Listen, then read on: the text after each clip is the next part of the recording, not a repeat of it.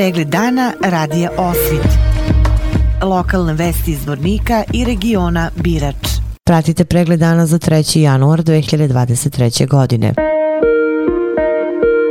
Zameni gradonačelnika Zvornika Bojan Ivanović darivao je prvu bebu koja je rođena u Zvorničkom porodilištu u 2023. godini.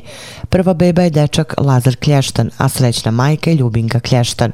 Samo 36 minuta nakon ulaska u 2023. godinu, Ljubinka Klještan donela je na svet dečaka koji je njeno prvo dete. Zameni gradonačelnika čestitao je roditeljima, poželevši njima i bebi puno zdravlja, sreće i ljubavi, te da mali Lazar i druge bebe koje će se roditi donesu dosta radosti svojim porodicama. Ivanović je ovom prilikom istakao da je nastavljena tradicija darivanja prvorođenih beba u porodilištu u Zvorniku, te poželeo da u ovoj godini bude još više porođaja nego u 2022. godine. Direktor bolnice Ivan Popović napomenuo je da je kompletno odelenje ginekologije akušerstva renovirano, opremljeno sa najnovijom savremenom opremom, a zamenjena je sva medicinska oprema. U bolnici radi 7 ginekologa i jedan lekar na specijalizaciji, te 17 babica. Inače, u porodilištu Zvoničke bolnice u prošloj godini rođena je 501 beba. Najviše beba rođeno je u oktobru i decembru, kada je broj novorođenih bio 54. Najveći broj novorođenih u jednom danu bio u mesecu novembru, kada je tokom 24 sata rođeno 7 beba u Zvorničkom porodilištu, dok je u septembru tokom jednog dana rođeno 6 beba. Ukupan broj rođenih beba u mesecu decembru 2022. godine je 54 bebe, odnosno 26 devojčica i 28 dečaka. Kompanija Alumina iz Vornika u 2022. godini imaće nešto manje od 400 miliona konvertibilnih maraka prihoda, što predstavlja značajno učešće u bruto društvenom proizvodu Republike Srpske, kaže Mile Matić, predsjednik upravnog odbora ovog privrednog društva. On je u novogodišnjem obraćanju direktorima sektora i rukovodiocima proizvodnih pogona i službi rekao da je jako važno izvršavanje radnih i poslovnih zadataka u svakom delu fabrike, navodeći da treba da bude što manje e-mail prepiski, a više operativnog i funkcionalnog rada sa glavnim ciljem da kupac proizvoda kompanije bude zadovoljan. Ocenivši da je 2022. godina bila složena, turbulentna, nepovoljna i nepredvidiva, što je rezultiralo smanjenjem planirane proizvodnje, Matić je rekao da je umjesto 410.000 tona, što je bio planirani tehnološki kapacitet, proizvedeno oko 350.000 tona. Opširni na sajtu radioosvit.com. Gradska uprava Zvornik umjesto za doček nove godine na otvorenom i ove godine odlučila je da sredstva uplati materijalno ugroženim porodicama i pojedincima povodom božićnih praznika. Od sutra počinje podjela po 50, odnosno stotinu konvertibilnih maraka u zavisnosti od broja članova porodice. Nove će se deliti do petka za više od 200 socijalno najugroženijih sugrađena, kako onih sa spiska Centra za socijalni rad, tako i sa evidencije koju vodi Gradska uprava Zvornik.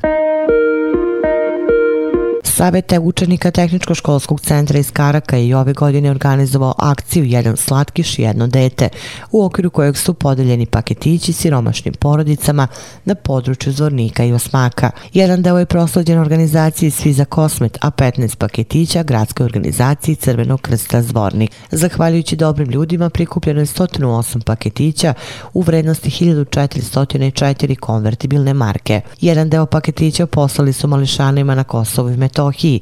Paketiće su dobili deca sa smetnjama u razvoju u Zvorniku. Paketićima su obradovali mališane koji žive u teškim uslovima u Zvorniku, Šćemli i Karakaju Čelopeku ulicama, ekonomiji Tavancima, Orahovcu, Kiseljaku i Malešiću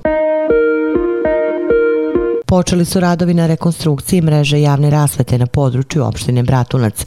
Rekonstrukcija obuhvata popravku i zamenu postojećih sijaličnih mesta, a u prvoj fazi pokriće uži centar grada i naselje u predgrađu, ulice i naselje u blizini škola, vrtića i drugih ustanova, a do kraja meseca posao će biti realizovan i u ruralnim delovima opštine. Projekat rekonstrukcije je koncipiran kao model adaptacije postojeće mreže do trenutka kompletne zamene cele infrastrukture na javnoj rasvete rasveti, prilikom čega će čitava mreža preći na LED sistem rasvete, a ovaj milijonski vredan projekat bit će realizovan u toku godine po ESCO modelu finansiranja koji je podržan od strane UNDP-a.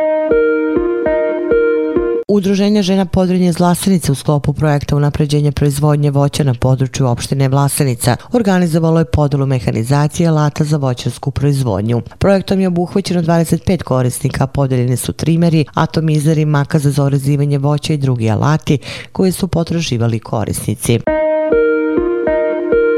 U Bratoncu je organizovana humanitarna akcija pod nazivom Svi smo mi nekada bili dete, a paketići su uručeni deci u prostorijama osnovne škole Vuk Karadžić u Bratoncu. U sklopu akcije prikupljeni su paketići za oko 300 dece iz višečlanih porodica, porodica slabijeg materijalnog stanja i za decu bez roditelja. Humanitarnu akciju pokrenuli su frizerski saloni i saloni za ulepšavanje iz Bratonca, Okanović, Andreja Beauty 11, Šiško, Stajvo i Daca. Humanitarna kompanija je podržana od brojnih privrednika i pojedinaca, a u saradnji za Centrom za socijalni rad.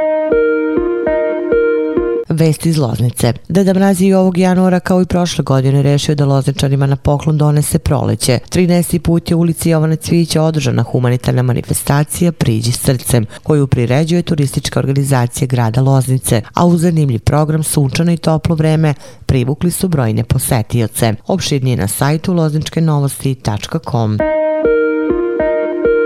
Pratili ste pregled dana za 3. januar 2023. godine. Hvala na pažnji.